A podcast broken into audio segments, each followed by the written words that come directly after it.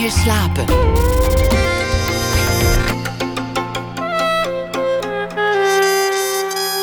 Met Tom Klaassen. Het is even na half één geworden inmiddels op deze vrijdagnacht. Hartelijk welkom bij een nieuwe aflevering van VPRO's Nooit meer slapen. Straks na half twee doorbreken podiumbeesten Aniek Vijver... Eva Krutse en Gerard-Jan Reinders... een van de allergrootste taboes uit de theaterwereld, namelijk podiumangst. Wat is dat eigenlijk precies, podiumangst? Wat doet het met je en hoe ga je ermee om? Je hoort het allemaal straks na half twee in de podcastserie Podiumbeesten. Maar eerst in het komende uur, dus tot ongeveer half twee, zit hier tegenover mij Funda Musde, schrijfster, theatermaker en actrice. Um, Funda, ik, ja, het moet even. uh, ik ben een beetje bang dat ieder interview met jou ongeveer op dezelfde manier begint. Maar we kunnen er niet omheen. Ik heb jouw voorstelling gezien. Funda stelt zich aan. Gisteravond in de stad Schouwburg in Utrecht. Um, en die voorstelling is heel persoonlijk. Het publiek mag heel dichtbij komen. En het verhaal is eigenlijk gecentreerd rondom het idee hoe jij je leven weer oppakte nadat je in een rolstoel terecht was gekomen. Um, hoe ben je in die rolstoel terechtgekomen? Nou, goedenavond Tom. Goedenavond, welkom. Leuk dat je er bent. Graag uh, gedaan. En uh, ik vind dat je mijn naam heel erg goed uh, hebt uitgesproken. Ja, dus, ja, ik heb in de auto geoefend. dus dat wil ik ook even zeggen. Uh, nee, ik begrijp het. Ik heb dat zelf ook. soms dan denk je dat je iets weet van, van iemand... en dan ben je details vergeten. Of je hebt het nooit geweten. Dus dat, dat begrijp ik volkomen. Um, ik heb elf jaar geleden... was passagier in een taxi... En we zijn aangereden door een jongeman van 19 die uh, weinig ervaring had. Daar uh, is het eigenlijk op misgegaan. En die heeft ons van rechts in willen halen. En toen heeft hij mijn kant geraakt. We zijn overgevlogen naar de andere kant van de snelweg. Dus ik ging lopend naar Istanbul. En ik ben liggend op een brancard met een dwarslesie teruggekomen. Ja, want dit gebeurde in Istanbul. Ja. En daar ben je in het ziekenhuis terechtgekomen. Ja. En vrij snel terug naar Nederland. Ja, twee weken later. Ik was zwaar gewond. Um, ik mocht uh, in het begin absoluut niet vervoerd werden, worden. Het was een fantastisch topziekenhuis. Maar de verzekering vond uh, elke dag dat ik daar was, uh, hoe langer, hoe duurder. Ah. Dus die wilde me zo snel mogelijk terug in Nederland hebben. Wegwezen. ja, de Nederlandse verzekering en mijn verzekering. Ja, ja, ja. En, um, en toen ben ik op een brancard met een arts ook aan boord. ik was net van de zuurstofslang af, 14 of 15 dagen later moest ik hier. Dus hier ben ik weer geopereerd. Acht maanden later weer. Dus het was een. Uh, het was een uh, ja. En wist je toen al dat je niet meer kon lopen? Ja, dat weet je meteen. Alleen ik besefte dat niet. Dus ik ben eigenlijk heel blij dat ik dat niet besefte. Want, ik, want je weet het, je voelt het, of je of ze vertellen het je? Of? Um, ik, kijk, ik, ik was zwaar gewond. Ja. Uh, ik had gebroken ribben, gebroken been, uh, gekneusde ribben, gekneusde longen. Ik had zelfs uh, de gebroken ribben hebben wat, wat puntjes zo. ik heb foto's gezien, echt bloed geslagen in mijn longen, maar niet doorgeprikt. Dus ik had net geen klaplong bijvoorbeeld. Ja. Um, ik was zo gewond, ik had zoveel pijn uh, dat ik niet besefte uh, precies wat het inhield om dwarslesie te hebben. En die verlamming. Um, je moet je ook voorstellen, ik lag uh, op de intensive care met een zuurstofmasker onder een laken. Dus ze waren echt zo lief, zo top. ik ben echt, echt ongelooflijk ook goed geopereerd. Maar uh, ik dacht de hele tijd dat mijn benen uit elkaar zo lagen en gebogen en, en echt naar, naar, naar buiten toe. Als een beetje Charlie Chaplin, maar dan liggend. Ja. En, en dat, dat vond ik vermoeiend. Ik denk dat ik toen voor het eerst in mijn leven heb ervaren wat fantoompijn is. En uh, omdat ik gebroken ribben had, kon ik mijn armen ook niet zo goed bewegen. Maar ergens, ik weet niet in hoeveelste dag of wat dan ook, bij die pijn, het irriteerde me zo dat ik mijn laken optilde om naar mijn eigen benen te kijken. Nou, ik had mijn leven erop verwet alsnog door te gaan. Om te zeggen, mijn benen liggen zo, maar ze lagen kaarsrecht. Echt waar? Gevoelloos, doelloos, doodstil. Wel prachtig recht gewoon. Uh, in model. En ik kon het me gewoon niet voorstellen. Dus dat, dat, dat, dat soort dingen, dat, ja, dat bleef heel lang. Dus ik kan niet zeggen dat ik doordrongen was van ik ben invalide, ik ben verlamd. Ik was te veel bezig met pijn en met gewond zijn. Ja. Met weer ehm, op balletjes blazen. Dag in, dag uit. Het overkomen van die om, eh, acute situatie. Ja, om mijn longen bijvoorbeeld weer longinhoud te geven, meer lucht te geven. Mijn tweede operatie voor mijn gebroken been konden ze ook niet eens doen omdat na mijn rug de operatie zo lang had geduurd... dat ze niet eh, dachten, en bloedverlies, alles, dat ik dat aankon. Dus toen hebben ze me pas een week later... eh, eh, dat ik mijn longen een beetje moest aansterken. Toen pas de tweede operatie uitgevoerd. Denk ik, daar een leuke anekdote over, even heel snel. Nou, ga je. Ehm, ik zei tegen de dokter. Maar dokter, eh, en oh, het is zo fijn dat ik tweetalig ben. Oh, wat een uitkomst was dat. Dus ik sprak natuurlijk Turks eh, Ja. tegen de dokters. Kon glashelder communiceren. daar. Helemaal. En toen zei ik, dokter, maar, maar waarom opereert mijn been niet? Want dat was ook niet te zien hè, van buiten. Ik had een, eh, een, een, een gecompliceerde beenbreuk, noemen ze dat. Linkerbeen, bovenbeen. Daar was van buiten niets aan te zien. En, en, maar omdat ik verlamd ben, was, eh, kon ik ook niet bewegen. Dus het kon geen kwaad. Maar dat wist ik allemaal niet. Dus ik zeg, maar, maar moeten we niet opereren? Ehm, eh, anders groeit het toch verkeerd in elkaar? Ja. Toen zei hij, met alle respect, eh, mevrouw Fundamuste... ehm u bent geen eh, jong kind meer of een jonge, jonge, jonge meid. Dus zo snel eh, gaat dat niet. Zo'n vaart loopt het niet. Oh. Maak u zich maar geen zorgen. We kunnen de, we kunnen de tijd die, nemen. gaat, die gaat niet vanzelf even lekker aan elkaar groeien. ja. Nou, dat Nee, was dan op dat moment een hele geruststelling. Ja. Ehm, en, en, dan, en dan lig je daar en wanneer kwam je er op? Je kwam er op een gegeven moment achter dat je zenuwen Ja ik, had, eh, ja, ik had een partiële dwarslezing, noemen ze dat. Eh, zes weken later had ik eh, een, een spier in mijn standbeen, ook weer links toevallig. Die knipperde als eh Kill Bill film. Dat, dat, dat soort films dat ineens een tenen van iets... Oh, dat is zo spannend. Ja, dus ik dacht, ah, ik kan weer lopen. Maar goed, dat, is- dat is er niet van gekomen. Maar toen ehm, wisten ze, oké, het is niet helemaal beschadigd. Of eigenlijk moet ik de terminologie gebruiken... het is niet doorgesneden helemaal. Oké, En wel beschadigd. En hier en daar is het zodanig beschadigd dat ik dus niet kan opstaan. Maar met hulp en nu met training al die jaren kan ik wel op mijn eigen benen staan. Bijvoorbeeld invalide toilet, beugels, zelf me optrekken. En als ik eenmaal sta, kan ik zelfs kleine mini-stapjes maken om te draaien of om te kunnen zitten. En eh, ja, daar ben ik heel blij eh, om. En daar heb ik heel hard ook aan gewerkt. en je hebt gevoel in je benen ook. Ja, ik heb ook gevoel. En bijvoorbeeld rechts is onder mijn knie. Ja, dat noemen ze verstoord gevoel. Ehm, op twee plekken. Het is echt ongelooflijk. Op mijn scheenbeen en op mijn eh, wreef. Dan eh, kan je me daar aanraken. Ik weet wat je doet. Dus ik kan tegen je zeggen: je strijkt, je aait, je tikt, je prikt. Maar ik voel geen pijn. Oh, Dus zo heb ik ook geleerd dat we verschillende zenuwen hebben. We hebben gevoelszenuwen, pijnzenuwen, bewegingszenuwen. Nou, en, en, en daar zitten dus geen pijnzenuwen, tenminste niet functionerende pijnzenuwen. Dus ik kan, jij kan me snijden met een mes of verbranden, dat voel ik niet. en ik, ik ben dan toch benieuwd. Op die twee plekjes. Ik, ik ben dan toch benieuwd. Je zegt, ik heb heel hard gewerkt om, ehm, om weer enigszins beweging in de zaak te krijgen, zou ik maar zeggen. nou, om Ehm, die functioneel te krijgen. Ja, en, en om dus muizenstapjes te kunnen zetten. Zo, ik, Ja. kun, kun je in theorie herstellen? Eh, sterker nog, ehm, ik ben nu overtuigd geraakt dat bij neurologische schade moet je de mensen meteen, meteen activeren. Meteen. Geen uur voorbij laten gaan, laat staan een dag of een week. Als je ze doorbeweegt, als je ze activeert, dan willen de zenuwen die misschien dood zijn of dood aan het gaan zijn of aan het uitsterven zijn, zoals in mijn geval ook nog partieel, dan gaan ze andere verbindingen zoeken. En dat weet men nu sinds een jaar of tien, in ieder geval vanuit de wetenschap.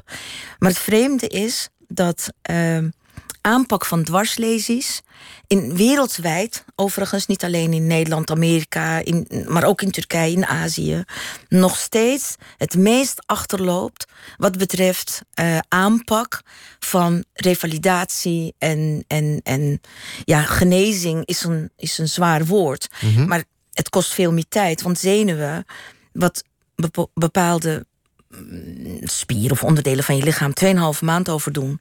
Daar eh, kan een, eh, een zenuw 2,5 jaar over doen. Maar als je ze blijft prikkelen, uitdagen, eh, ja, dat, dat, dat heeft wel degelijk effect. Ja, maar het kost dus heel veel tijd en geld om dat te onderzoeken en te ontwikkelen. En daarom ja, maar ze zitten nu wel met en stamceltherapie en al die dingen in je ruggenmerg te plaatsen, wat ook geweldig is. Want daar wacht ik natuurlijk stiekem ook een beetje op. Ja. Dat dat ooit nog in mijn leven uitgevonden wordt. Eh, maar ik richt mijn leven er niet op hoor. Ik bedoel, het is meegenomen als dat toch nog gebeurt. Dat zou fantastisch zijn. Maar dat doen ze wel. Maar aanpak van revalidatie is gewoon... dat loopt 50 jaar achter op de medische wetenschap, nota bene.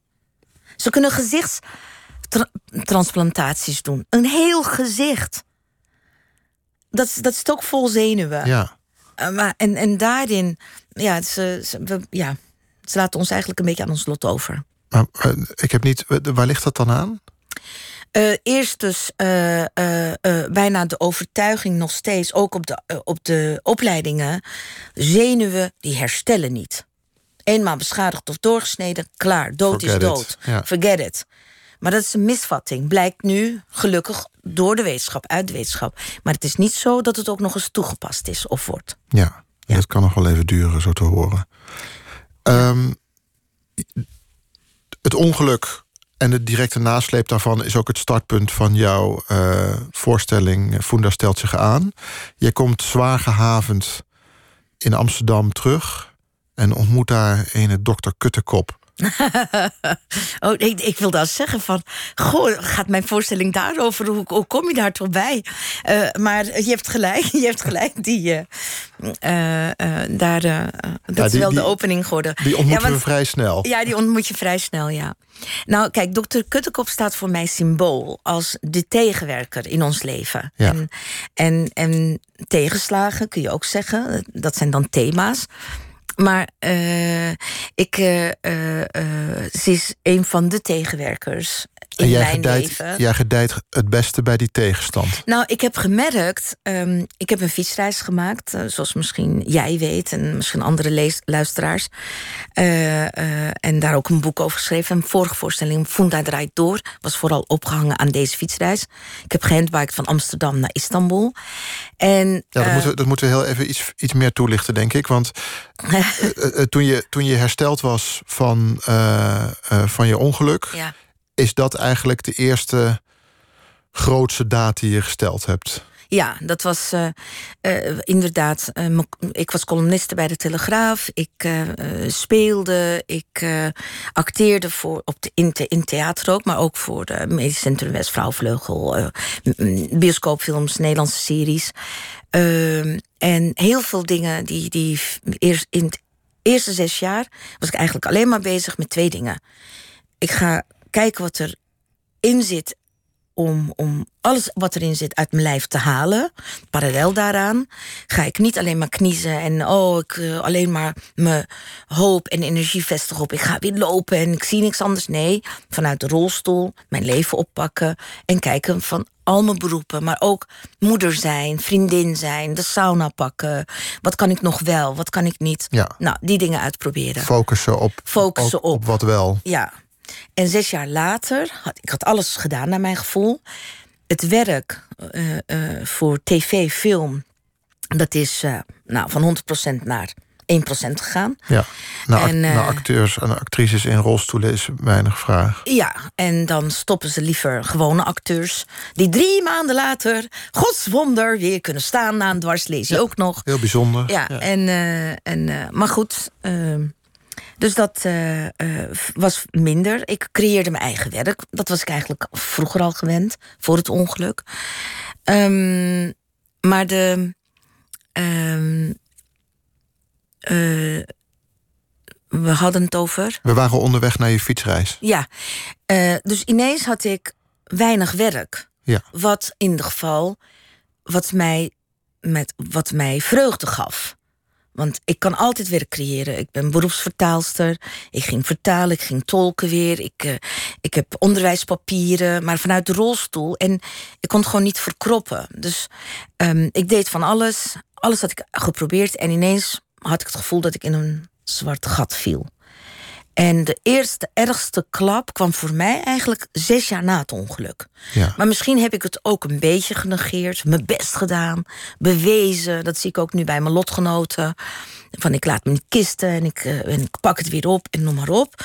Dus misschien een combinatie van alles. Denk je dat het een depressie was? Pardon. Um, ja, het was tegen een depressie aan. Ik ben ook echt naar de dokter gegaan. Mhm. Ik zei, ik kom hier niet meer in mijn eentje uit. Ik weet niet meer waar ik het zoeken moet. Maar niet iedereen die in de put zit... Uh, komt op het glorieuze idee om, uh, wat is het, 4500 kilometer nou, te gaan fietsen? ik heb het aan de wandeling te danken. Het programma De Wandeling. Oh, en, uh, een televisieprogramma. ja, en Sander de, de, Kramer die had het net overgenomen. Ik, ik, ben, aan, ik, heb, ik ben gevraagd om geportretteerd te worden.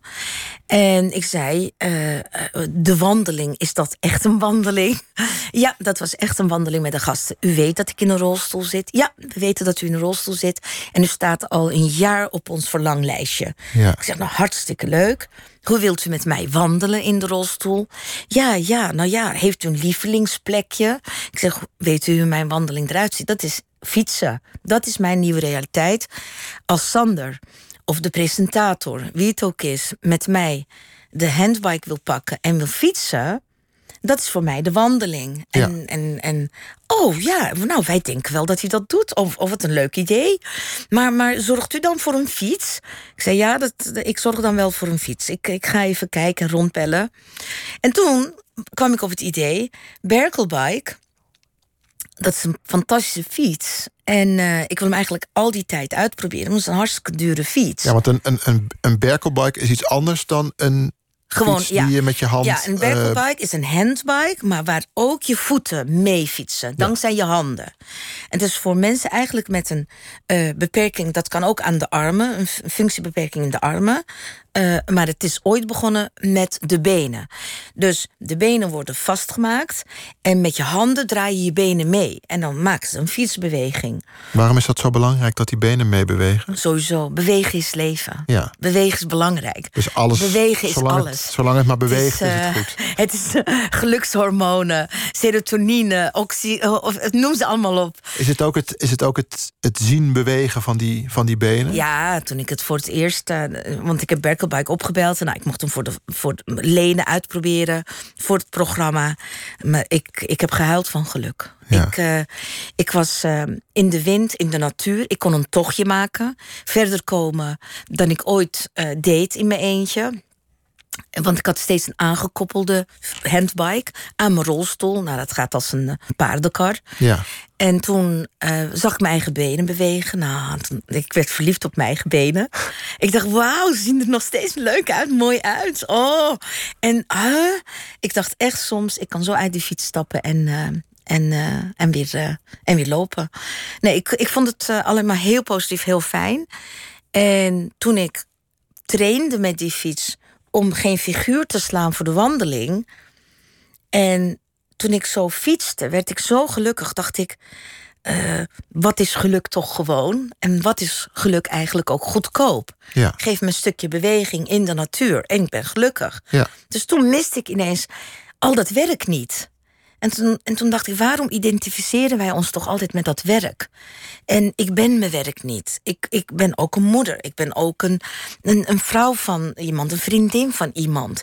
En dat heeft mij altijd al gefascineerd hoor, hoe wij met werk omgaan. En je, hebt dus, van de, je hebt van deze ervaring wel ook weer letterlijk werk gemaakt. Want je hebt, Ja. er, je hebt er een voorstelling van gemaakt. ja, Wanneer besloot je van ik wil dat verhaal vertellen op het podium? Nou, ik durfde eerst niet eens solo meer theater in. Want ik deed in die zes jaar eh, wel eh, voorstellingen, maar eh, of in gezelschappen, of twintig minuten, dat noemen ze dan cabaret op maat. Ja. En, maar een avondvullende voorstelling durfde ik niet aan. Waarom niet? En dat heb ik aan de fiets te danken. Nou, omdat ik me net een pianist voelde die per se uh, door wilde piano, uh, gaan met piano spelen terwijl ze haar vingers kwijt was. Ik voelde me een half mens. Ik was een deel van mijn instrument kwijt. Ja. Je benen voor een podiumartiest. Je rent over het toneel. En als je interactie met het publiek wil, ga je, neem je ook nog eens even dat aftrapje. En dan, en dan ga je naar het publiek toe. Je, je, je kan alles. En ineens was ik dat instrument kwijt. Dus ik moest er ook weer opnieuw mee leren omgaan. Ja. En, en elke keer viel me dat ook tegen. Kostuums, iets aantrekken, uittrekken, even iets uitproberen. Ja, dat, dat, dat vond ik een crime. En, uh, en toen dacht ik, ja, dat, dat, dat moet ik gewoon begraven, die liefde. Voor theater, voor optreden. En, pardon. Dus door, dat, door het fietsen kwam, kwam zelfvertrouwen terug.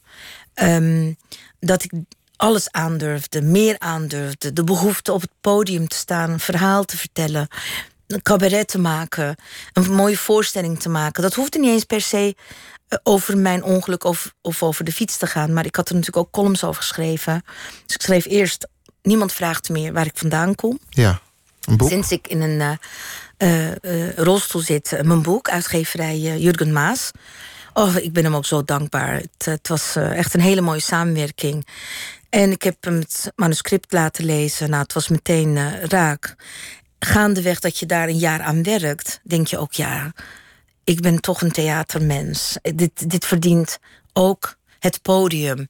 Hoe kan ik daar een mooie, met zelfspot, met grappen, met, met inspiratie vol, hoop ik voor het publiek, toch een mooie uh, cabaretvoorstelling van maken? Want zo stond ik toch wel bekend. En, uh, en uh, dat is gebeurd. En nu had ik het gevoel uh, dat ik eigenlijk nog meer wilde inzoomen op dus de, de, de, de tegenslagen in je leven, hoe je ermee omgaat. en, en toen dacht ik, ja, ik, ik moet met de billen bloot. Ik moet, ik moet nog eerlijker zijn. Ja. Nog je kan niet altijd alles weglachen. Want ik ben van de zelfspot. Ik uh, vind dat heerlijk. Um, klagen, slachtofferschap, ja, dat, dat is niks voor mij. Uh, ik mag van mezelf uh, heel weinig zelfmedelijden hebben. Maar het mag af en toe wel. Niet bij de pakken neerzitten. Precies. Een minuutje per, per maand. Per, per maand, zoiets. En soms, ja, nou, dan is het vijf minuten per week. Maar je hebt er niks aan. Dus al die wijsheden die je, die je uh, zelf meemaakt, doormaakt, uh, dacht ik, hoe kan ik het met het publiek delen? Hoe kan ik dat vertalen? En die fietsreis, dan kom ik dus. Ik weet waar we, ja. hoe, hoe, we, hoe lang geleden we. Nou, we, kwamen eigenlijk bij, do, bij de, we kwamen eigenlijk bij dokter Kuttekop Precies. vandaan. Maar... Ja, daarom. Dus bij die fietsreis en mijn eerste voorstelling zei ik, geloofde ik er ook heilig in, je hebt een believer nodig. Ja. Iedere mens heeft in zijn leven altijd iemand nodig die in jou gelooft en jou steunt. Ja, dat die... kan een leraar zijn, dat kan, kunnen je ouders zijn. Iemand die je een kans geeft. Daar geloof ik ook zegt, nog steeds in. Iemand die zegt, jij kan dit. Ja, maar ik dacht, wacht even. Hoe is het met mij gegaan? Hoe gaat het met heel veel mensen? Mensen die juist een ergste klap hebben gehad. Ontslagen zijn of ziek zijn. Iets zijn kwijtgeraakt. Die komen juist soms zo gigantisch anders terug. Ja. En beter dan, dan, ze, dan ze ooit hadden vermoed na een tragedie. En, en, toen, en toen dacht ik, ja, ik heb eigenlijk ook niks cadeau gehad in mijn leven. Als migrantenkind. En, en ik heb discriminatie meegemaakt. Maar gewoon, nee, dan ga je harder werken. Dan ga je nog meer je best doen. En toen dacht ik, tegenwerkers en tegenslagen zijn zo slecht nog niet die zogenaamde te tegeltjeswijsheden. Zonder wrijving geen glans. Ja. Ja, dat, dat is gewoon waar. Ja, het klassieke motief uit de roman uh, Karakter hè, van Bordewijk. Ja. Als, je, als je vader je maar genoeg tegenwerkt, dan uh, ja, nou, nu, uh, ben je tot grootste ja. daden in staat. Ja. Ja. En, um, want toen jij terugkwam in Amsterdam, ging er het een en ander mis hè, met die behandeling. Ja, dat, dat ging ook echt mis. En zij was mijn behandelende, behandelend arts niet. En, en, en, en, ze hield helemaal niet van, van, van de dwarslesieafdeling. Het was echt een kooschap. Ze deed uh, de kooschap en dan zijn ze een half jaar hier in, eh, in geneeskunde, kindergeneeskunde, gynaecologie, psychiatrie. Uh, nou, ze doen er vier of zes, denk ik. Of, of misschien vier in twee jaar. En uh, nou, dit uh, was voor haar een kans. Maar je zag gewoon, ze hield niet ook van deze afdeling, van, van deze patiënten, ja. van ons. Ze had de studiepunten nodig. En, ja, en, en, en, en toen ik geïnteresseerd vroeg van... goh, hoe kom je hier en wat zou je... Oh nee, ze trok ook echt een vies gezicht. Nee, dwarslezen is niks voor mij. Oh, sorry, no offense, maar nee, nee, ik wil niks met verlamming. En niks met, nou, hmm. ze, ze... Wat was de eerste grote verandering die je in die periode ervaren hebt... in hoe mensen je benaderden, in hoe mensen met je omgingen? Ik moet je zeggen, Tom, ik weet niet aan wie het ligt. Misschien een beetje van mij en een beetje van Maggie. Maar mensen hebben me heel bang gemaakt dat mensen over me heen gaan praten, dat ze me niet aan zullen kijken, uh, niet serieus zullen nemen. Dat je letterlijk een niveautje lager ja, zit. En, en ik heb dat, uh, nou, ik denk uh, van de 94% misschien 6% misschien wel maar 4% meegemaakt. Ik ehm, zeg ook altijd tegen mijn lotgenoten Kijk mensen aan, zoek contact. Uh, het kan zijn dat ze verlegen zijn met je of met de situatie, of bang zijn om fouten te maken. Uh, ik ken lotgenoten die het verschrikkelijk vinden om het altijd weer uit te leggen, of dat ze niet geduwd willen worden. Ja, maar aan de andere kant, soms moet je wel geholpen en geduwd worden. Ja, het is voor beide partijen lastig. Ja. ja. Dus ik, ik heb er. Uh, ik heb er niet zoveel last van gehad. En, je moet af en toe hulp vragen, maar je bent geen minderwaardige. Nee, en, en dat is het belangrijkste. Maar ja, uh, ik bedoel. Uh, en natuurlijk, uh, ik, ik, ik heb gisteren in Holiday Inn gelogeerd. Nou, fantastisch hotel, mooie kamer. ik moest vanochtend, was ik de keynote speaker met Dick Swaap. Toevallig hadden we het daar ook over neurologie en zo. Um, opende ik het, dus na de stad Schouwburg moest ik meteen doorrijden. En de balie is gewoon op mijn, op mijn, op mijn kinhoogte. Nou, dat is toch niet meer van deze tijd? We moeten even naar het journaal toe. Laten we dat doen. In ieder geval een, uh, uh, een mond er iets van het journaal mee in te gaan... is dat je geen minderwaardig burger ervan bent geworden. Dat is nee, een, nee. een hele geruststelling. Ja. Funda, tot zometeen. Um, ja, tot na het journaal. Bij Nooit meer slapen.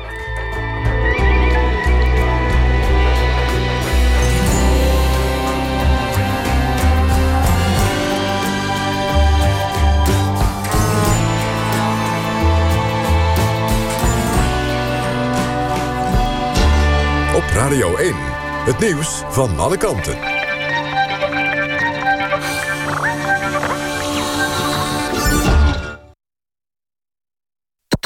NPO Radio. 1 uur, Lieselot Thomassen met het NOS-journaal. EU-handelscommissaris Malmström wil dat Amerika de importheffingen... op bijvoorbeeld staal en aluminium laat vallen. In ruil daarvoor is de EU bereid om nog eens te kijken... naar de Europese importheffingen op auto's. President Trump noemt Europa oneerlijk en protectionistisch... omdat het op Amerikaanse auto's een importheffing legt van 10% terwijl de VS maar 2,5% heft op Europese auto's. President Trump heeft eind februari een ontmoeting met de Noord-Koreaanse leider Kim Jong-un. Dat is bekendgemaakt na een onderhoud van Trump met een Noord-Koreaanse gezant in Washington. Sinds een ontmoeting tussen de twee presidenten vorig jaar juni lijkt in Noord-Korea weinig te zijn gedaan aan denuclearisatie, zoals was toegezegd. Het Financiële Dagblad verbreekt de banden met journalist Ans Boersma... die gisteren Turkije werd uitgezet. Dat heeft de hoofdredactie besloten na enkele intensieve gesprekken met haar. Zo staat op de site van het FD. Het OM verdenkt Boersma van valsheid in geschriften. Volgens Nieuwsuur is dat omdat ze haar ex-vriend aan valse papieren heeft geholpen. De ex is een Syriër die lid is geweest van een terreurorganisatie. De hoofdredactie van het FD zegt dat Boersma onvoldoende duidelijkheid over haar rol kon geven. De Nederlandse Vereniging van Journalisten blijft Boersma steunen. Over haar werk is voor zover wij weten geen twijfel, zegt de NVJ. Minister Hoekstra gaat een vergunningenstelsel invoeren voor cryptomunten. De autoriteit Financiële Markten en de Nederlandse Bank stellen in een advies dat het niet langer mogelijk moet zijn om die anoniem te kopen of te verkopen. Hoekstra neemt dat advies over. Vooral witwassen en terrorismefinanciering via cryptomunten moeten worden voorkomen, zegt hij. Het weer vannacht vriest het 1 tot 5 graden. Plaatselijk kan het glad worden. In het zuiden is het lokaal mistig. Overdag zon en wolkenvelden. Het blijft vrijwel droog en het wordt 2 tot 3 graden. Dit was het NOS Journaal. NPO Radio 1. VPRO. Meer slapen.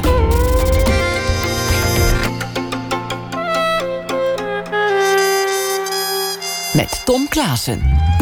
Welkom terug bij dit tweede uur van Nooit meer slapen. En tegenover mij zit gelukkig nog steeds Funda Musde.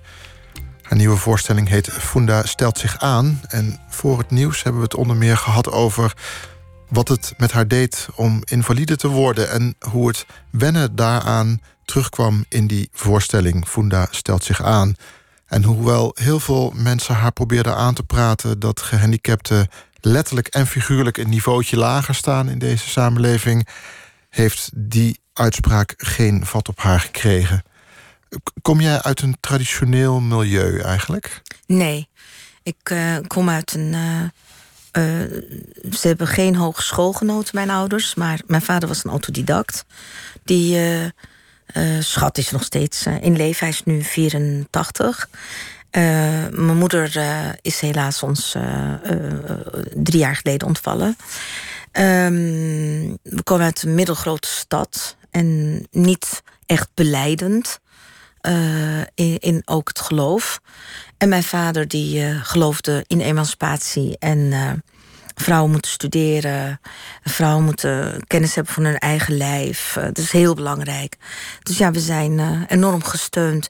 En een van de redenen dat we eigenlijk in Nederland zijn gebleven... terwijl mijn vader contractarbeider was...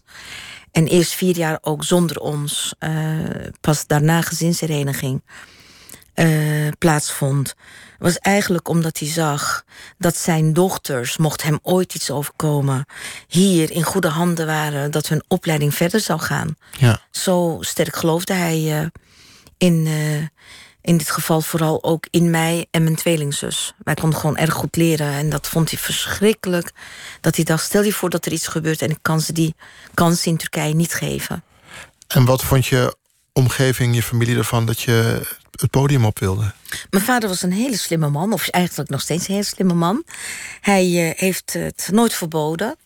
En uh, hij had zoiets uh, van uh, eerst een studie afmaken, een echt vak. Want dat hoor ik natuurlijk ook heel veel van Nederlandse ja, collega's. Net, net geen ja. echt vak natuurlijk. Ja, het is net geen echt vak. jammer. En een vrouw is iets kwetsbaarder, maar dat vond hij ook van het politievak. Ja. Um, en als je nou iets doet waar je als vrouw op kunt terugvallen, ook wanneer je een gezin sticht um, en je wil daarna acteren, ja, dat, he, dat, dat zie je dan wel weer.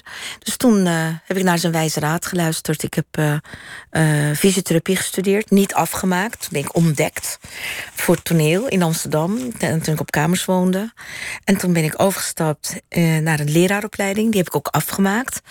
En ik ben uitgenodigd met zes personen door het ministerie van Onderwijs om uh, ook nog mijn uh, basisschoolpapieren te halen. Dat is een tekort aan uh, leerkrachten. En dat heb ik dus ook gedaan. Maar het ging zo goed met, met, met leven van, van acteren. Uh, dat ik uh, eigenlijk dat alleen maar in projectbasis heb uh, gebruikt. En als vrijwilliger, toen ik moeder werd, ben ik zes jaar in de ouderraad geweest. en, en actief moeder, gewoon leesmoeder, rekenmoeder. Dus zodra ik tijd had, deed ik dat soort activiteiten. En vond ik het toch wel heel erg leuk met kinderen werken. Ja. En, ik, ik, vraag het ook een beetje omdat je in de, omdat je in de voorstelling Funda stelt zich aan, doe je een Turkse moeder na. ja. dat is niet jouw moeder. Het is niet helemaal mijn moeder, maar er is wel een, een stukje, stukje wat uh, uh, uh, mijn generatie Turkse vrouwen. Want het gaat, want, want als echt je, wel geleerd hebben. Het gaat een beetje over meisjes moeten een beetje op de achtergrond blijven. Die nee, dan, oh, oh. dan heb ik het niet goed overgebracht. Of ik heb het niet goed opgepakt. Dat kan ook, hè? Nee, wat ze, wat ze eigenlijk. de slimmigheid is. Je moet een man een beetje bewerken. En je moet, uh, je moet het spelletje meespelen. Of je moet een man eren, het gevoel geven eh, dat je hem eert, of het gevoel geven dat hij heel wat is, of het gevoel geven dat hij slim is en noem maar op. Maar ondertussen je eigen, beetje je eigen agenda. Ja. Dus, um, en ik heb dat echt wel een beetje gezien ook bij Turkse vrouwen. Dat ze, dat ze uh, uh, een, een, een, meer thuis de baas waren dan wij ooit hadden kunnen bevroeden van, van buitenaf. Dat je denkt, oh, die Turkse vrouwen, oh, die Marokkaanse vrouwen, ja, oh, ze zijn zielig. Achter en ze worden onderdrukt en, en, ze lopen achter hun man aan. Nou, niets is minder waar. In heel veel gezinnen ja, dus hebben die, die vrouwen de broek aan. Dus die eren ja. aan de oppervlakte, de man des huizes. En dan ja, kunnen is een ze slimme tactiek. hun gang gaan. Ja, en je moet ze niet altijd alles vertellen. En, maar vroeger was het natuurlijk echt heel menens. Ik denk dat mijn moeder dat zelfs meende. Dat je man in die zin niet moest vertrouwen. Want vrouwen konden verlaten worden door hun mannen. En als je geen spaarpotje had... waarom denk je dat ze bruidschat, uh, uh, dat soort dingen hadden? Die, al die gouden armbanden. Dat was als je man je verlaat die kon hij nooit. Dat, dat was gewoon. Dat, dat was bijna not dan. Ja, dat is van jou. Dat is van jou. En dat kan je altijd inwisselen. Te gelden maken. Als je dus echt gewoon achtergelaten wordt door een man. Eh, voor een jongere of voor, om welke reden dan ook. En jij met de kinderen achterblijft. Ja. Dus die, dat, die, die, die, dat stukje uh, uh, in de opvoeding, dat was er wel. Alleen ja, ik, ik, ik heb niet zo uh, geleefd, als het ware. Niet met mijn Turkse man, vader van mijn kinderen, maar ook niet met mijn huidige Nederlandse man. Nee. um, je hebt in een, in een hele lange periode veel televisiewerk gedaan. Mm -hmm. de Vrouwenvleugel, de eerste serieuze dramaserie van uh, RTL 4, daar heb mm -hmm. je in gespeeld. Ik ben begonnen met Medisch Centrum West. Medisch dat was het eerste drama ja. in Nederland. Ja. Voor iemand, je viel voor iemand in die met zwangerschapsverlof was of zo, geloof ik? Uh, nee, dat was niet bij, bij Medisch Centrum West. oh, dat weet ik eigenlijk niet eens. Weet je dat ik dat niet eens weet? Um, nee. Maar in ieder geval, ik las in een aantal interviews die ik ter, ter voorbereiding heb gelezen... Ja. Dat, je, dat je telkens gecast werd als soort van de standaard Turk. Ja, ik vond het toch wel heel erg leuk om voor het eerst eigenlijk in deze voorstelling daar aandacht aan te geven. Ook. Ja. En het is hilarisch. Oh, ik kan een hele voorstelling vullen met wat mij is overkomen in theater, televisievak. Uh, hele leuke anekdotes. Uh, met al die series, maar ook de, de gedramatiseerde documentaires. En als je dan dingen optelt, denk je: oh, oh ik ben bekroond actrice op een uh, filmfestival in Frankrijk als beste vrouwelijke hoofdrolspeelster. Ik ben geroemd in de, de, Volkskrant als debutante, draagt in haar eentje film. Maar het heeft nooit geresulteerd in Nederland tot een, vind ik, hè, zeg ik achteraf, eerlijke kans. Uh, want ik ben steeds getypecast. Want je werd ingekookt tot een soort stereotype rol. Ook nog. Dus het is niet alleen, je maakt een Fellini... en dan mag je een vrouw van vlees en bloed spelen... en lekkere, goede karakters. Nee joh, dat was inderdaad stigmatiserend, stereotyp... en, en in een... In een Want, uh, typeer die standaardrol dan is die jij, die jij telkens moest spelen? Uh, het liefst wilden ze me eh, inderdaad... dus toen ik jong meisje was. Van huis weggelopen meisje. Geslagen worden, uitgehuwelijkt worden. Ah, ja. Allemaal dat soort uh, moeilijkheden. En als ik moederrollen, ja, het liefst met een hoofddoek. Alsjeblieft, uh, verkracht Nederlands. En, uh, en, en nou, dat, dat soort dingen. En ik denk dat dat ook de reden was om zelf werk te maken. Zelf het theater in te gaan. Eigen producties. Want dat is. En tegengif. Want je, je, je, als jij Kijk, als je heel veel geld verdient en je bent uh, de slechterik op het witte doek in uh, Hollywood.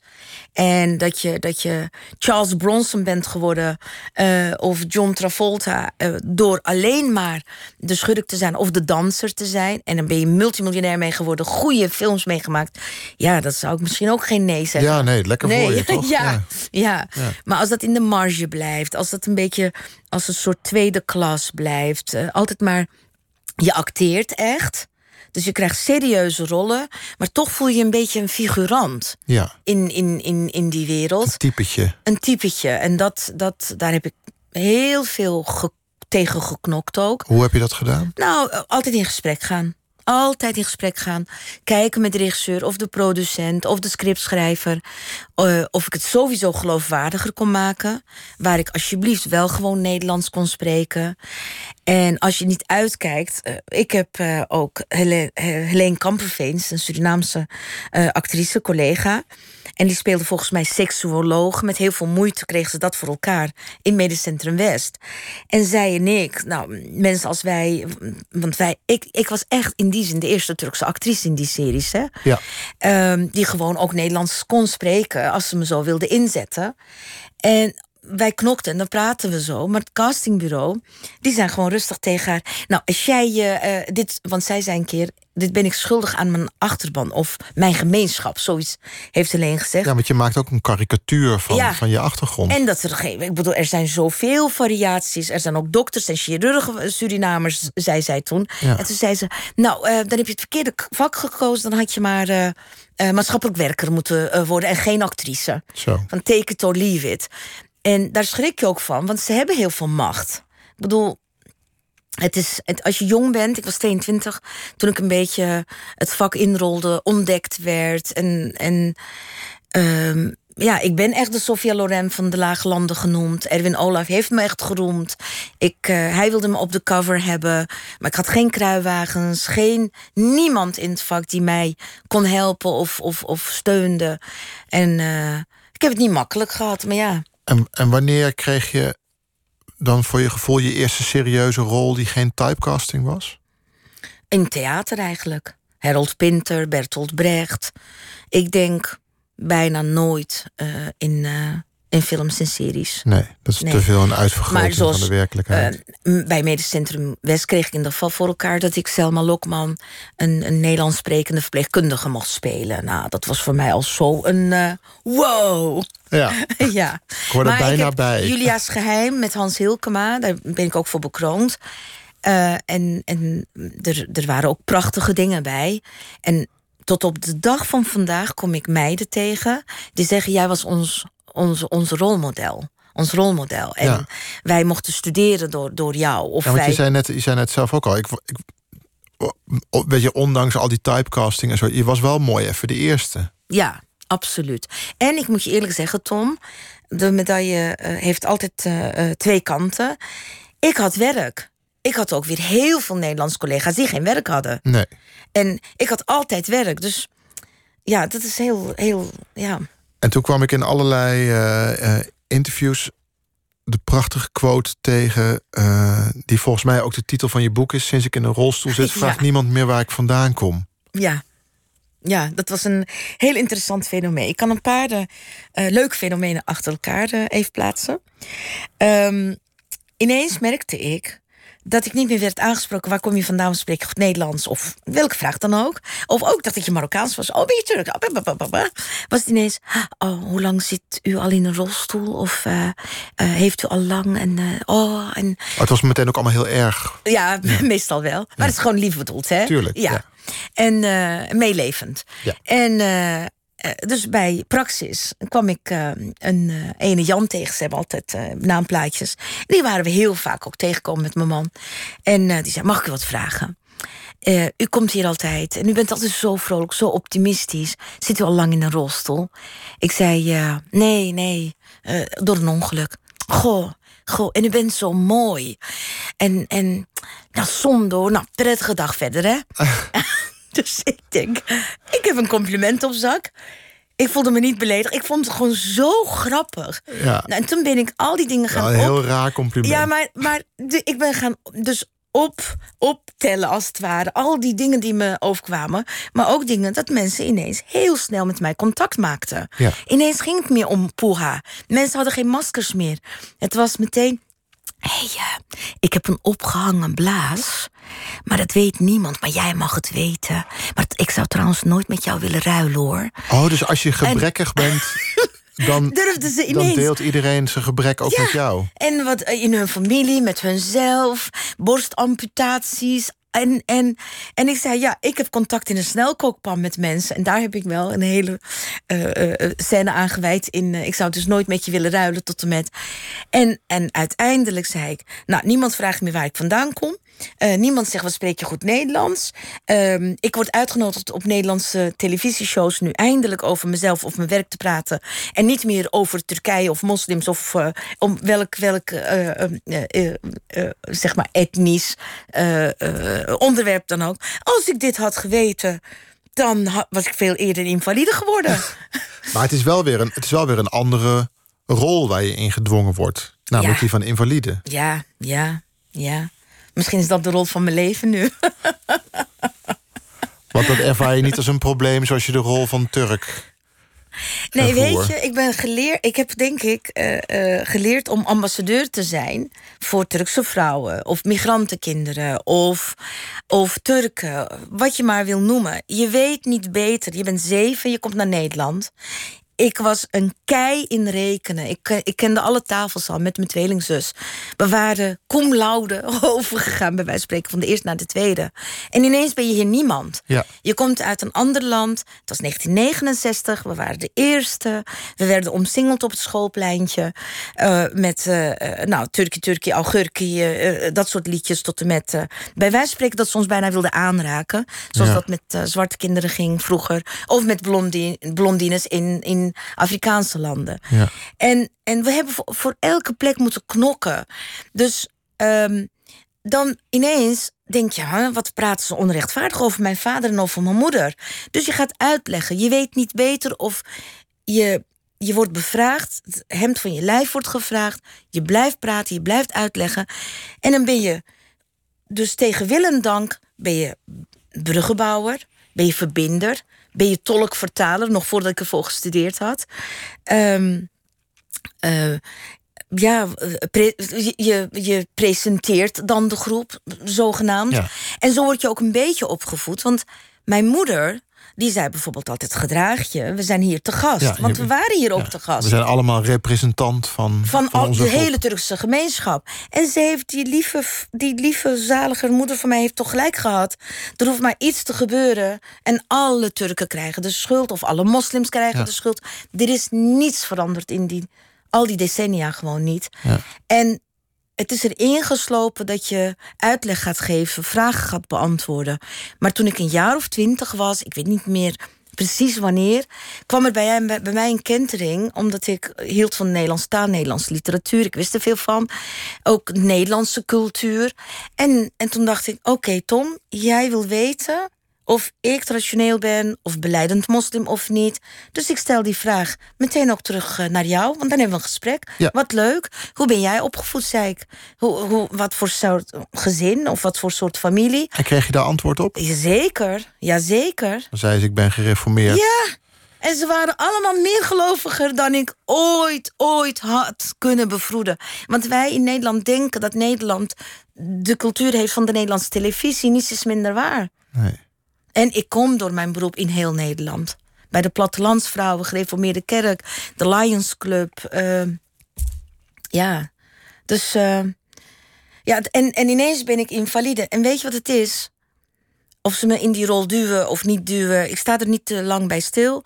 Als ik jouw uitleg kan geven, omdat jij echt oprecht geïnteresseerd bent in mij, in mijn geval, en ik kan daar iets mee winnen, of voor mezelf of voor onze groep, er is toch niets mooiers?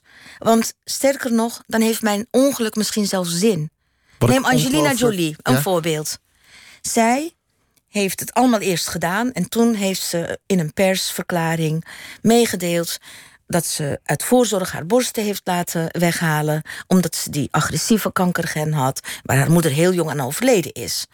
En zij is dus een rolmodel nu voor zoveel jonge meiden. die met zo'n geheim, met zo'n last lopen. Nou, eigenlijk kan je dit soort dingen ook op ons plakken. Als jij iets meemaakt en, hè, uh, God verhoede, uh, dat jouw kind syndroom van Down heeft of een spastische ziekte of wat dan ook. Ineens word jij deskundig daarin. Ja. En als jij een podium tegen krijgt. Tegen wil en dank. Tegen wil en dank.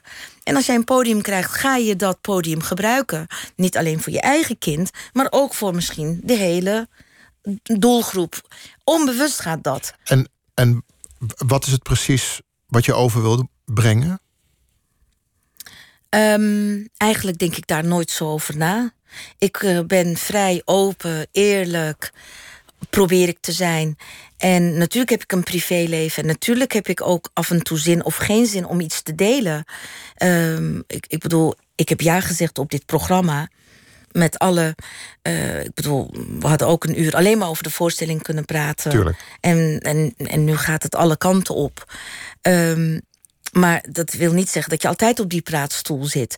Dus um, toen ik net in die Volkskrant-serie uh, De Zin van het Leven uh, mee heb gedaan, dacht ik de hele tijd na over de zin van het leven, de zin van het leven. En toen dacht ik, op dit moment kan ik die vraag helemaal niet beantwoorden.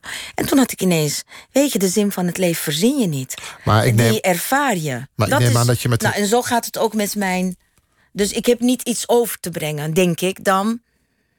Eigenlijk is de boodschap altijd hetzelfde. Of ik valide ben of invalide. Als wij elkaar, net als Levinas, de filosoof, elkaar echt in het gelaat kijken.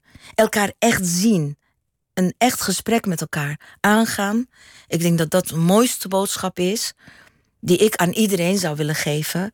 Want dan kan je in gesprek met alles en iedereen. En dan maakt het ook niet uit uh, wat je achtergrond is, of je valide bent, minder valide bent, etnisch, religie, maakt niet uit. Wat ik namelijk heel een heel krachtig uh, en indringend gedeelte van je voorstelling vond, uh, als niet-invalide, is het moment waarop jij minutieus, bijna in real time, beschrijft hoe het voor jou is om in een hotelkamer op Aruba je tanden te poetsen, naar de wc te gaan, naar bed te gaan, in bed te gaan liggen, de dekens over je heen te trekken en er daarachter te komen dat het licht nog aan is. Ja. En daar ben je dan een half uur mee bezig geweest dat komt, op mij, dat, dat komt op mij stevig over. Ik bedoel, ik, ben, ik ben daar in drie minuten mee klaar. Ja. Ik denk dat ik bij de keuze van zo'n scène uh, uiteindelijk dat hij niet sneuvelt, want je bent bang dat het te lang duurt voor het publiek, uh, dat inkijkje geef, wel degelijk de keuze heb gemaakt. Weet je, ik ga hem gewoon doen. En dan hoor ik wel van het publiek tijdens de try-outs wat ze ervan vinden, hoe ze dat ervaren. En dat is dus niet van tevoren bedacht, maar dat heb ik echt meegemaakt. Veel dingen, het is fictie, non-fictie, ja. uh, hele voorstelling. Want je bent dus je bent in je eentje ja. naar Aruba gereisd. Ja, dat was mijn grootste droom na mijn ongeluk. En eindelijk heb ik dat afgelopen augustus gerealiseerd. Een verre reis, helemaal in mijn eentje. Want dat vond ik echt dood en doodeng. Maar dat inkijkje gaf ik wel even heel graag. En weet je waarom ik het ook doe?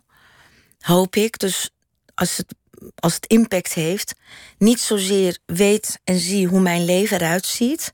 Prima, heerlijk als je dat even ook af en toe ziet. Die ontoegankelijkheid van de wereld om ons heen. Maar dat jij misschien ook geïnspireerd raakt in je eigen leven om dankbaar te zijn voor wat je hebt. Voor wat je wel hebt, dat je wel kan lopen. Want ik word er ook op, ik word er ook, ik word er ook op gewezen door wat jij vertelt. Um, hoe, hoeveel jij eigenlijk um, ruimte aan anderen moet vragen. En hoeveel je, en hoeveel je moet verexcuseren voor alles. Hoe vaak je moet zeggen: Sorry, mag ik even langs? Sorry, kunt u mij hier even bij helpen? Sorry, ik kan dit niet in mijn eentje. De, er zit een scène in, in, je, in je stuk waar je in het vliegtuig naar de wc moet. Ja. Daar heb je gewoon drie mensen voor nodig. Ja, dat is ook echt gebeurd. En, en, en, en dat heeft een. Ja, dat heeft een meervoudige functie. Het is hilarisch, hoop ik, hè? Dat ook met die, uh, maar ik kan me dus met die Italiaan. Ik kan me dus niet aan de indruk onttrekken dat je dan iets aan mij duidelijk wil maken. Dat je iets wil Ja, zeker wil ik dat. Want uh, uh, ik denk dat ik dat verhaal sowieso, het intiem gevoel ook wil delen. Um, uh, ik denk dat ik misschien ook bewust of onbewust begrip wil kweken. Um, um, uh, uh, ik wil denk ik ook daarmee mijn, mijzelf blootgeven.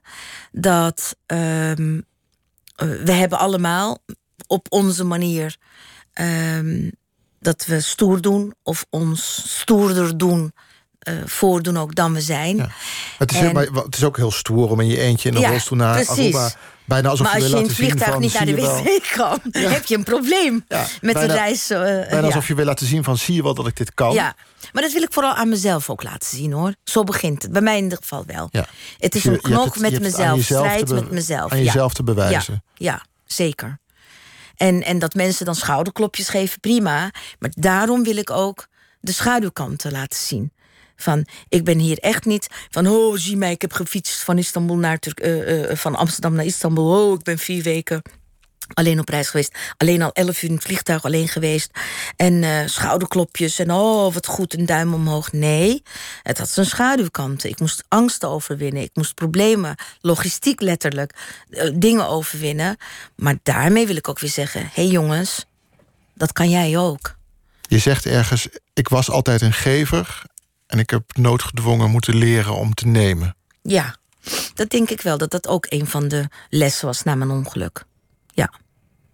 Je moet ruimte innemen, ja. je moet vragen, ja. anders kom je nergens. Ja, want ik heb gemerkt dat uh, in Nederland uh, wij uh, op een gegeven moment doorgeschoten zijn geraakt in zelfredzaamheid. En vooral de mannen, jonge mannen, die door een duik of ski-ongeluk verlamd raken of motorongeluk, vind ik echt heel erg sneu voor ze. Die hebben helemaal het gevoel, als ze hulp vragen, dan, dan, dan kan dat niet. Dan is het niet stoer, niet mannelijk. Dus ze vermijden hun cafés, ze vermijden plekken waar ze letterlijk misschien ingedragen moeten worden. En dat, dat is me ook wel eens verteld door, uh, door uh, uh, dat soort lotgenoten, noem ik ze altijd. En hij zei: Ja, maar jij bent een meisje, jij bent een vrouw. Ah, vrouwen krijgen eerder hulp en vrouwen vragen eerder hulp. Maar hij kwam maanden zijn deur niet uit. En toen zei ik: Denk jij dat het makkelijk is? Denk jij dat het leuk is? Ik was ook nog zo'n bekende Nederlander. En ik werd ook overal herkend. Ik kon niet eens even stiekem doen. Ik denk je dat het leuk is? Ik heb een keuze gemaakt en die kan jij ook maken. Wil je verpieteren? Wil je achter dat raam gewoon uh, uh, zitten en, en eigenlijk, wat heeft het dan nog voor zin dat je leeft? Ja. Of wil je dat risico nemen, maar dan moet je hulp accepteren. Dus hoe kunnen wij, dat vind ik zo mooi, en dat vind ik trouwens ook mooi aan mijn twee culturen, culturele, biculturele achtergrond. In in de Turkse gemeenschap is het meteen. Oh, ze helpen en ze halen alles uh, als het ware uit je handen. Volledig en omarmd. volledig omarmd en verzorgd. En je wordt, je wordt verstikt uh, in die hulp en zorgzaamheid. En, en, en in Nederland laat ze eigenlijk iets te veel ook in de steek. Ja. Onder het mom van onafhankelijkheid, zelfredzaamheid. Dus weer kwam die verbinder door eigen ervaring. Hoe kan ik die twee werelden bij elkaar brengen? Hoe kan ik ervoor zorgen dat mensen uh, uh, uh, hulp kunnen vragen, durven vragen. Want het brengt je verder. Kijk, alleen ga ik sneller als ik nu rol door de gangen. Maar er komen drempels waar ik niet verder kom. En samen kom ik verder. Samen kom je verder. Ja. Funda Musde, dank je wel dat je hier was. Ons gesprek is voorbij. Dank je wel, Tom. Het uur leek wel tien minuten. Maar het is toch echt zo. Gelukkig toer je door Nederland met je voorstelling ja. Funda stelt zich aan. Ja, en volgende week uh, uh, sta ik in Rotterdam in het Zuidpleintheater. En dan zo wie verder. Heel goed. Ja. Internet, Google is uw vriend, daar staat alles op. Ook op mijn website, ja. Funda, dankjewel. Heel erg graag gedaan, bedankt.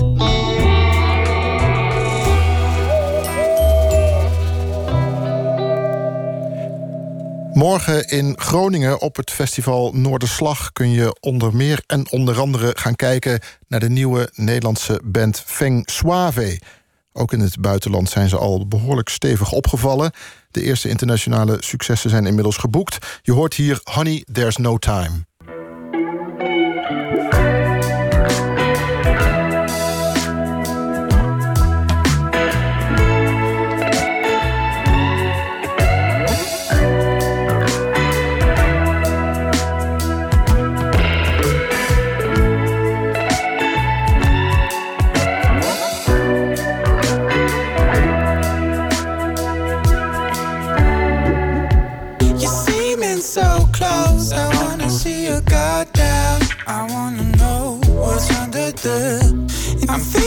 sound.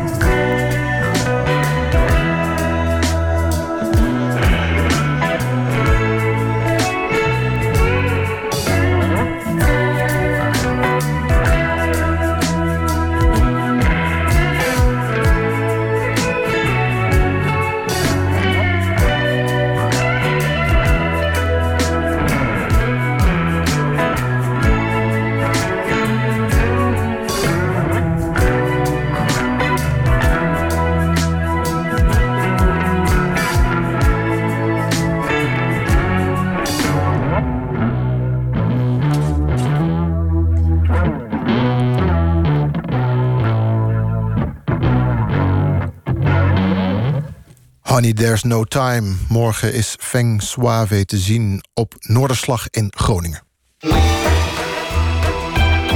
Nooit meer slapen. In de podcastserie Podiumbeesten onderzoeken we ondertussen hoe het is om op het podium te staan en te werken. Wat de kick is van het leven in de spotlights en wat de keerzijdes zijn van dat leven.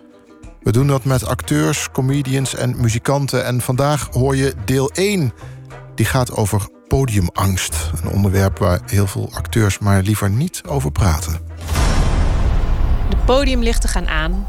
Een zaal vol met publiek, recensenten en verwachtingen wacht op je. Acteurs, cabaretiers en muzikanten zijn het gewend om midden in de spotlights te staan. Maar eigenlijk is het een raar beroep. Bekeken worden door al die mensen die ergens op hopen, iets van je vinden, die je een beetje denken te kennen. In de podcastserie Podiumbeesten zoom ik in op de mensen op het podium. Hoe is het om daar te staan? In dit eerste deel praat ik met acteurs over die knikkende knieën, zwetende holtes en angst voor blackouts die je hebt voordat je op moet. Over podiumangst dus. Met actrice Aniek Vijver, Oh, jij gaat vallen. Je valt zo meteen. Kijk uit dat je niet valt, je valt vast. regisseur en acteur Gerard-Jan Reinders, Heel lang heb ik eh, alleen maar t- toneel gespeeld met eh, Bertha Blokkers. actrice Karin Krutse, De duivel die je toespreekt. Je kunt het niet, je haalt het niet.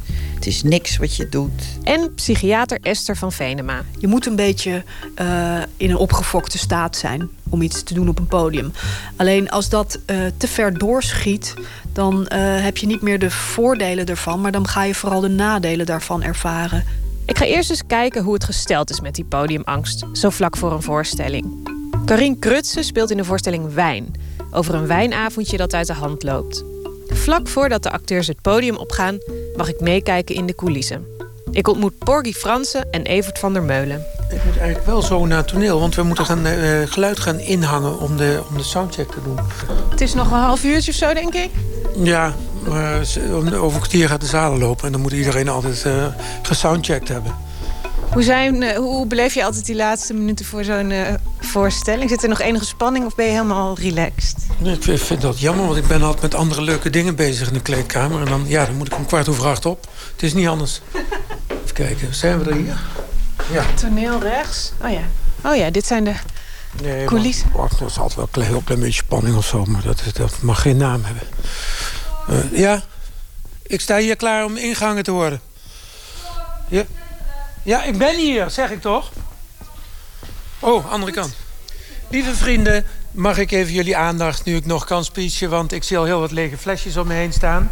Nu ik nog niet met dubbele tong en dubbele agenda spreek... Grappig, want, want net voordat jij kwam hadden we in de, in de uh, artiestfoyer hadden we, hadden we het over nervositeit. Daar had jij namelijk vragen over gesteld.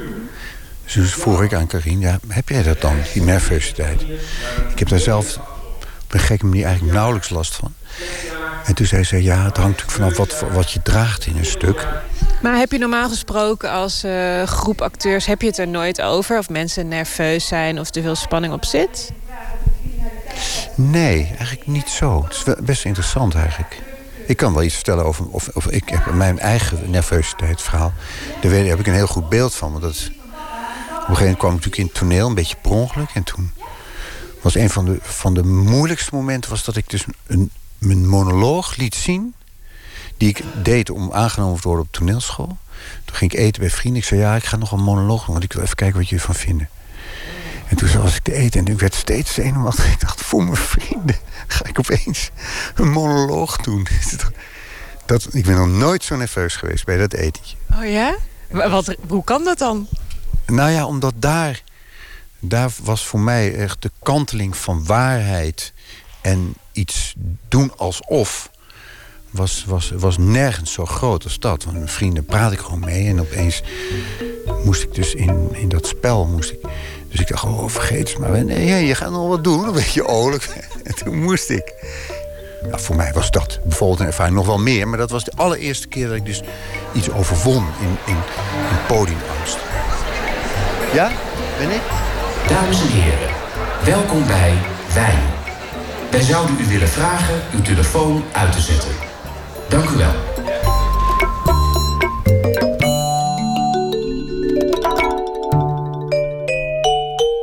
Psychiater Esther van Venema is oprichter van de Muziekpolie in Leiden, waar ze artiesten helpt die last hebben van podiumangst. De acteurs die er weinig over praten, dat verbaast haar niet. Het onderwerp is nog vaak een taboe. Het taboe op psychische klachten is in Nederland sowieso nog belachelijk groot, vind ik. En zeker in de wereld van de podiumkunstenaars is er een heel groot taboe, dus ook op podiumangst. Um, ik zie het, uh, of ik, ik denk dat het gewoon een mentale blessure is. Net als je stembanden of je elleboog of je knieën geblesseerd kan raken. Alleen de, onder, ten onrechte wordt het vaak toch gekoppeld aan uh, nou, hoe goed je bent. Daar heeft het werkelijk niets mee te maken, want de groten der aarde die lijden eronder. Um, maar ook wordt het gezien als een teken van zwakte. Um, dus als dat taboe wat naar eh, beneden kan, dan zou ik daar wel heel blij mee zijn. Aniek Pfeiffer is regelmatig te zien in het tv-programma De Vloer op. En ze speelt nu, na 13 jaar trouwe dienst, haar afscheidsvoorstelling bij het Nationale Theater.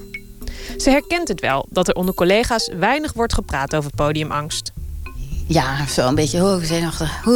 Je merkt het aan iedereen dat er een soort spanning hangt. Nee, maar meer dan benoemen van die spanning eventjes snel en dan weer verder gaan. Nog even een tekst doen. Oh, wat ik nog wilde zeggen. Uh, moeten dat en dat en zus en zo. En uh, ja, ja, goed, goed, oké. Veel plezier, ja, ja. Zo, dat. Nee, we hebben, zitten niet allemaal met uh, kort gebeten nagels... zwetend elkaar op te jutten. Dat niet, nee.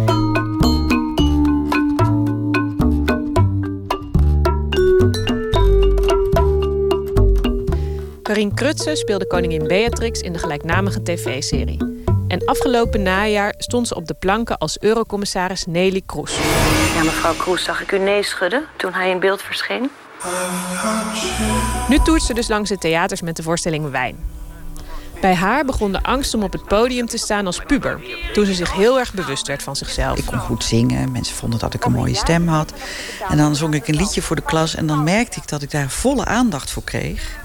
En dat mensen dat mooi vonden. En dat ik dat op een of andere manier prettig vond. Toen had ik ook totaal nog geen angst om, om dat te doen. En eerst na de middelbare school durfde ik het eigenlijk niet. Want tegen die tijd kwam wel weer de angst opzetten. Wat met veel dingen gebeurt, denk ik, in de puberteit. Dat je opeens een soort obstakel voor jezelf ziet. Omdat je denkt, ja, maar als ik dat doe, moet ik het ook wel heel goed doen. En kan ik dat wel en durf ik dat wel? En, uh, dus toen ben ik eerst psychologie gaan studeren... om na een half jaar te concluderen dat ik dat echt niet moest doen... en dat ik toch echt naar de toneelschool wilde. Eh, en toen jij als 23-jarige jonge vrouw van de toneelschool eh, afkwam, was je dan toegerust om eh, het echte toneelleven in te gaan? Eh, nee, dat denk ik niet. Want toen kwam, dan kom je dus in de echte wereld. Toen kwam ik in Amsterdam terecht. En toen ging het eigenlijk al vrij snel niet goed met mij persoonlijk. Ik deed door een aantal dingen uit mijn jeugd, maar daar gaat het nu niet over. Maar ook door de lat die ik voor mezelf op een, bepaald, op een bepaalde hoogte legde. Ook wat het spelen betrof. En toen dacht ik, ja, nu moet ik de praktijk in. Dus nu moet ik van mezelf van alles doen. Ik moet en goed zijn, maar ik moet ook op iedereen af durven stappen. En zeggen, eh, ik ben Karin en ehm, ik kan dit en dit. En dan kwam ik in de smoes aan, wat het theatercafé was. En dan zag ik al die mensen en dacht ik, oh, dit wil ik helemaal niet. Ik wil helemaal niet naar casting directors stappen. En ik vind het eigenlijk verschrikkelijk. Dus toen, um, mijn hele wereldbeeld kelderde eigenlijk op dat moment. Toen werd ik erg ziek. Ik, uh, nou ja, toen noemden we het overspannen. En nu noem je het... Ik, ik was gewoon depressief. Ik ben echt vier jaar lang behoorlijk ziek geweest. Um, en in die periode, vlak na school, zat ik bij het Publiekstheater... wat nu toen in Groep Amsterdam is. En daar ging het eigenlijk helemaal niet goed met me. Daar was ik, ik bleef dat wel doen. Want ik wilde eigenlijk ophouden daar. Ik voelde me zo slecht. En mijn huisarts, die heel goed was... daar ging ik mee praten toen, wekelijks. Die zei, als je nu ophoudt... dan voelt dat voor jou als falen. Dan heb je meteen, na je opleiding, heb je iets opgegeven. Je redt het zo, zoals je het nu doet. Je voelt je doodongelukkig, maar je weet, de periode duurt zo lang... en jij gaat het redden. Want hij zei, de kracht waarmee je nu ongelukkig bent... wat ik zie, is dezelfde kracht die jou er ook weer uit gaat halen. En die opmerking heeft ontzettend veel voor mij betekend. En hij heeft wel gelijk gehad. Niet, niet dat het meteen over was, maar ik heb het wel doorstaan. En dat was heel belangrijk voor me. Voor Aniek Vijver is het allerspannendst live improviseren. Zoals ze dat doet in het televisieprogramma De Vloer op. Ik schaam me zo! Waarom? De gordijnen zijn dicht. Ik schaam me zo verschrikkelijk. Ik schaam me zo. Ik kan er niks aan doen. Daar ben ik, daar was ik twee weken voor, van, van tevoren al zenuwachtig voor, terwijl je niks kan voorbereiden. En ik dacht zelf, heb ik niks gegeten. Toen was ik echt, toen, dat was echt niet gezond. Terwijl, ja, misschien een beetje niet weet wat je moet verwachten. En denkt, oh, ik klap dicht, ik heb het nog nooit gedaan. Je hebt wel eens een liedje gezongen van Daniel Lohuus. Oh, dat vond ik ook verschrikkelijk eng. Verschrikkelijk eng. Dat is waar, die was ik vergeten. Oh, dat vond ik ook heel erg eng, ja. Ja, ja. Maar toch ook gedaan. Omdat je niet af wil gaan. Denk ik, ja. En, maar dit was wel een heel passende tekst. Uh, hoe heet het nummer ook alweer? Angst is maar voor even. Spid is voor altijd. Wees maar niet benauwd. Je ziet al wel hoe het gaat. Angst is maar even. En speed is. Het is ook zo presteren on the spot. Weet je wel? Dat je denkt, nu moet het, nu is het. Want iedereen zit en jij gaat het nu doen, bam. Terwijl je niks hebt voorbereid. Dan denk ik, ja, jij gaat het nu doen. Misschien komt er wel niks. En dan? Gaan mensen zeggen, ja, uh, wat is het nou? Uh, waar blijft het? En dat je dan niets kan, dat je dan niks kan. Dat zou ik zo'n demasqué vinden of zo. Zo'n zo uh, zo'n afgang. Uh, dus dat is het, denk ik. Dat je onvoorbereid uh, op, op het moment zelf moet presteren. Ja. Ik vond ook dat je daar niet, daarin niet mocht, mocht uh, afgaan of zo. Ben ik toch ook een beetje een streber. Ik denk, ja, dat moet ik, dat moet ik ook kunnen.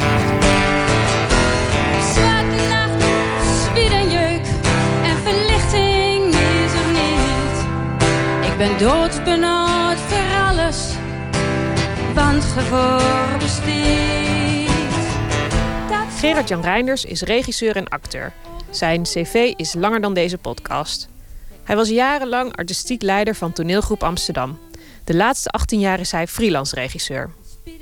Hij kent de spanning voor een voorstelling, dus als regisseur en als acteur. Ik ben altijd voor iedere première zenuwachtig, maar uh, lang niet zo erg als wanneer ik uh, zelf moet spelen.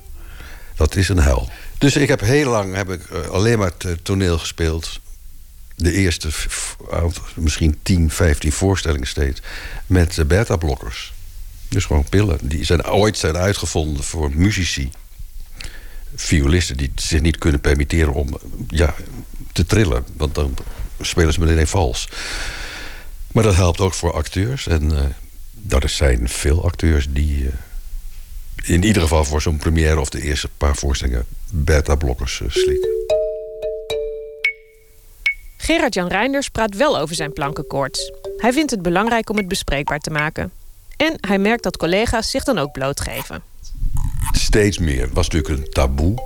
Maar ik be- be- ben er zelf over begonnen. En, eh, en andere mensen die durven dan zeggen van... ja, nee, dat doe ik ook. En eh, nou, dan wissel je uit. Hoe lang doe je dat? En, eh, nee, ik, neem, ja, ik neem een half of ik neem een hele. dag of zo. Of zoals je het over antidepressiva hebt, denk ik. Wordt het gezien als, eh, als een, een zwakte? Nou, misschien, maar waarom? Het is gewoon onzin. Dit- dit- Het hoort, het hoort er wat, wat mij betreft bij. En als je er geen last van hebt, dat is hartstikke mooi meegenomen. Maar als je er wel last van hebt, dan is dat alleen maar sneu. En onhandig. En dat, dan moet je dat gaan praten met collega's of met, met eh, desnoods therapeuten. Van, hoe ga je ermee om en hoe kom je er vanaf? Dat soort gesprekken voert psychiater Esther van Venema dagelijks.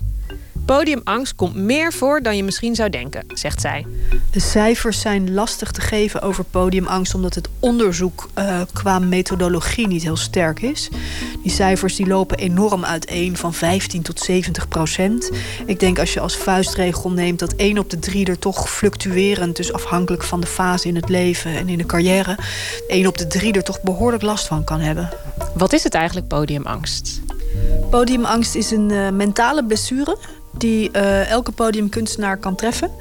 En in de loop van de tien jaar dat ik hier nu de muziekpolie heb in Leiden eh, aan het ziekenhuis, muziekpolie in het LUMC in Leiden, ehm, ben ik er steeds meer achter gekomen dat het eigenlijk een symptoom is vaak van een onderliggend psychiatrisch probleem.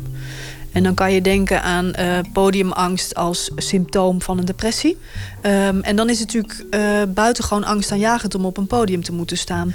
Ehm, en een andere categorie zijn eh, natuurlijk de angststoornissen. Mensen die eh, nou, al angstig zijn sinds hun jeugd. Die bijvoorbeeld op de middelbare school het heel eng vonden om een spreekbeurt te houden.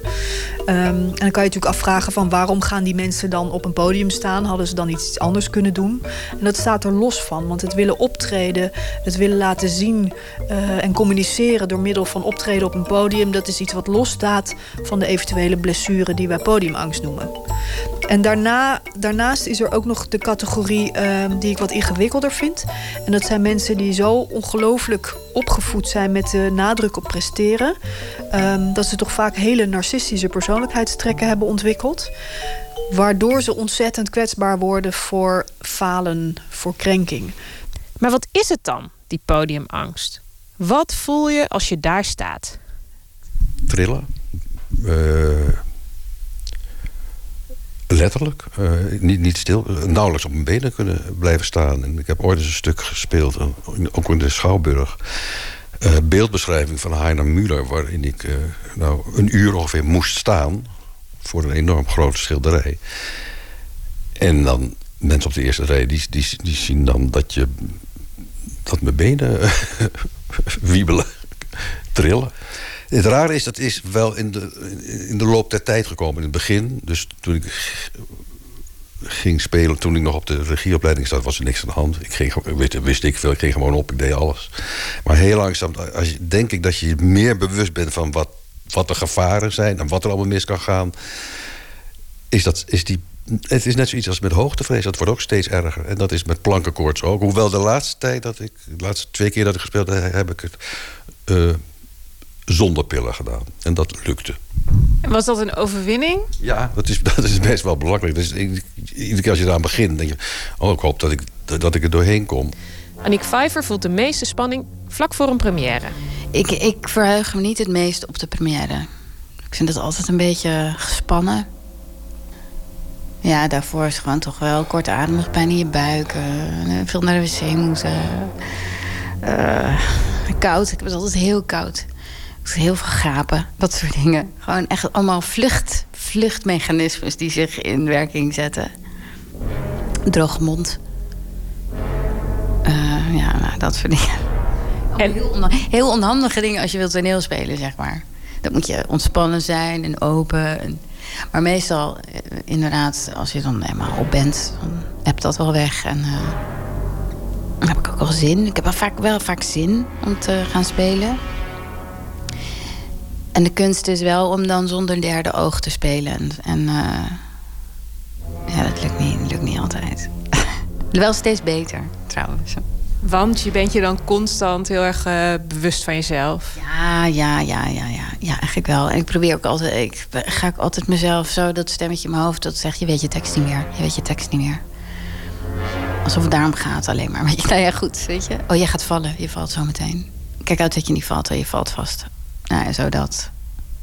Gebeurt dat wel eens? Het is nog niet gebeurd, nee. Karin Krutsen merkt dat het publiek ineens haar vijand kan worden. Iets wat totaal onverwacht kan gebeuren. Je kunt, je kunt het publiek soms op een dag... en dat wil helemaal niet zeggen dat dat altijd tijdens een première moet zijn. Dat kan ook ergens in uh, Delfzijl zijn of zo. Dat het publiek een monster wordt. Je, je kijkt in dat gat en dan kun je opeens het gevoel krijgen... dat heeft meestal met hoe je jezelf voelt te maken op dat moment... dat je denkt, oh, ze haten me, ze vinden me gruwelijk. Ze, wat, wat doe ik ook? Wat sta ik hier te doen? En dan heb je dus allemaal gedachten die niets te maken hebben... met wat je staat te spelen. Ik kan niks, ik ben niet goed, mensen haten me. Een soort destructieve kracht is dat dan. En ik ga falen, ik ga het niet redden. De duivel die je toespreekt. Je kunt het niet, je haalt het niet. Het is niks wat je doet. Uh, heel negatief dan. En het rare is dat meestal als zoiets gebeurt... die tekst gewoon doorgaat en je gewoon blijft spelen... maar ondertussen denk je... er gaat eigenlijk iets gruwelijks gebeuren. En dat is een soort doodsangst. Terwijl je weet, als je rationeel bent... ik ga niet dood van toneel spelen. Ik bedoel, ook al vindt iedereen je gruwelijk, je valt niet dood neer. Maar toch voelt het als, alsof er een geweer op je gericht is. En alsof je. Uh, ja, alsof je iets moet. Want anders, want anders verlies je het. Als het zoveel spanning kan opleveren, dat toneelspelen, dan vraag je je toch af: waarom doe je het jezelf aan? Voor Aniek Vijver geldt dat ze als kind al wist dat het het mooiste beroep ter wereld is. Nou, op een podium willen staan, dat wilde ik al heel vroeg. Echt als kleuter, denk ik al. Dat ik hoopte dat ik. Um, we hadden dan gedichten op school en hoopte ik dat, uh, dat uh, mijn juf. lag ik s'avonds in bed en hoopte ik dat mijn juf de volgende dag zou zeggen: Aniek, jij mag uh, vandaag het gedicht over januari voordragen. Ja, dus ik, ik droomde echt al als kleuter in mijn bed over uh, een podium. Ja, eigenlijk wel heel vroeg. Ik zie het nu ook bij mijn jongste zoon wel. Die heeft dat ook zo. Dingen willen vertellen. Het gevoel dat je krijgt als je op een podium staat. Live in een zaal vol mensen. Dat is magisch voor Karin Krutsen. Het is natuurlijk een heel ijdel beroep ook. Je gaat op een podium staan en je denkt... ik ben het waard dat er naar mij gekeken wordt. Dat is een heel blijkbaar, jullie moeten naar mij kijken, als ik het even zwart-wit zeg. Dus je vindt dat je iets kunt ook. En je voelt dat je iets kunt. Um, tenminste, ik voel dat ik daar iets kan. En dat ik. Uh, het is ook een machtig gevoel. Uh, dus het geeft me iets. Het geeft me toch een voldoening of erkenning. Of... Dus de ervaring van, van live in zo'n zaal iets doen. En. Daar iets voor brengen voor mensen, dat is toch ook wel, vind ik toch ook iets heel moois. Het is ook te hanteren nu. Ik weet ook niet dat als het altijd zo gebleven was als 15 jaar geleden, dat ik dan, um, of ik dat dan zou blijven doen. Dat weet ik niet. Ik ben wel blij dat ik iets, iets relaxter onder ben geworden. Dat gevoel van macht dat je krijgt op het podium, dat herkent Gerard-Jan Reinders wel. Je moet een zaal stil zien te krijgen, of je moet een zaal aan het lachen zien te krijgen, of je moet een zaal aan het huilen zien te krijgen. En als dat lukt, als die zaal doet wat jij wil, dat, dat is heel bevredigend. Dat is, daarvoor doe je het eigenlijk. Dat heeft denk ik al heel primitief te maken met macht. Zo simpel en zo kinderachtig misschien. Dan komt ook het moment dat, je, dat die plankenkoorts weg is. Dan, hè, hè, zie wel, ik, uh, ik heb ze uh, ik, heb ze in mijn macht. Ik kan ze kneden en ze doen wat ik wil. En eh, dan, is, dan zijn ook die zenuwen weg. En dat, eh, als dat gebeurt, dan dat is natuurlijk nog leuker.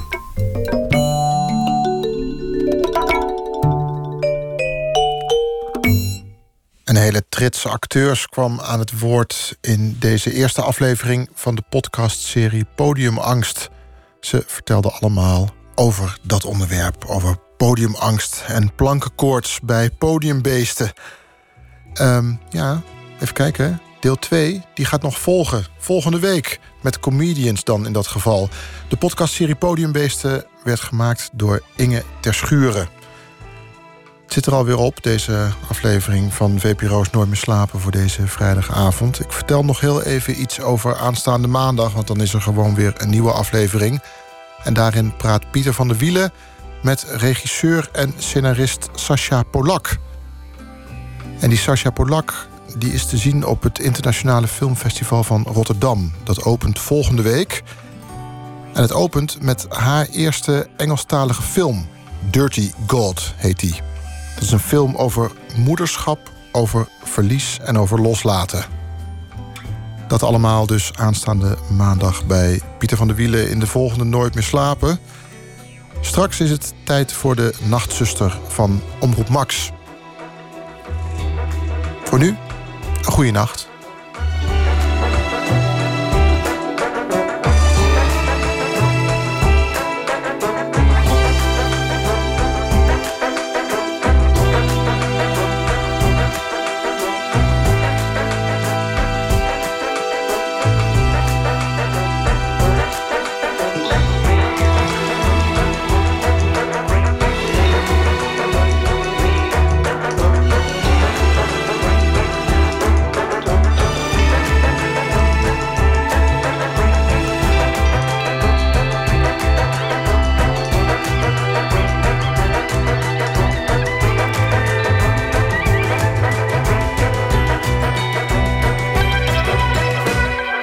Radio 1, het nieuws van alle kanten.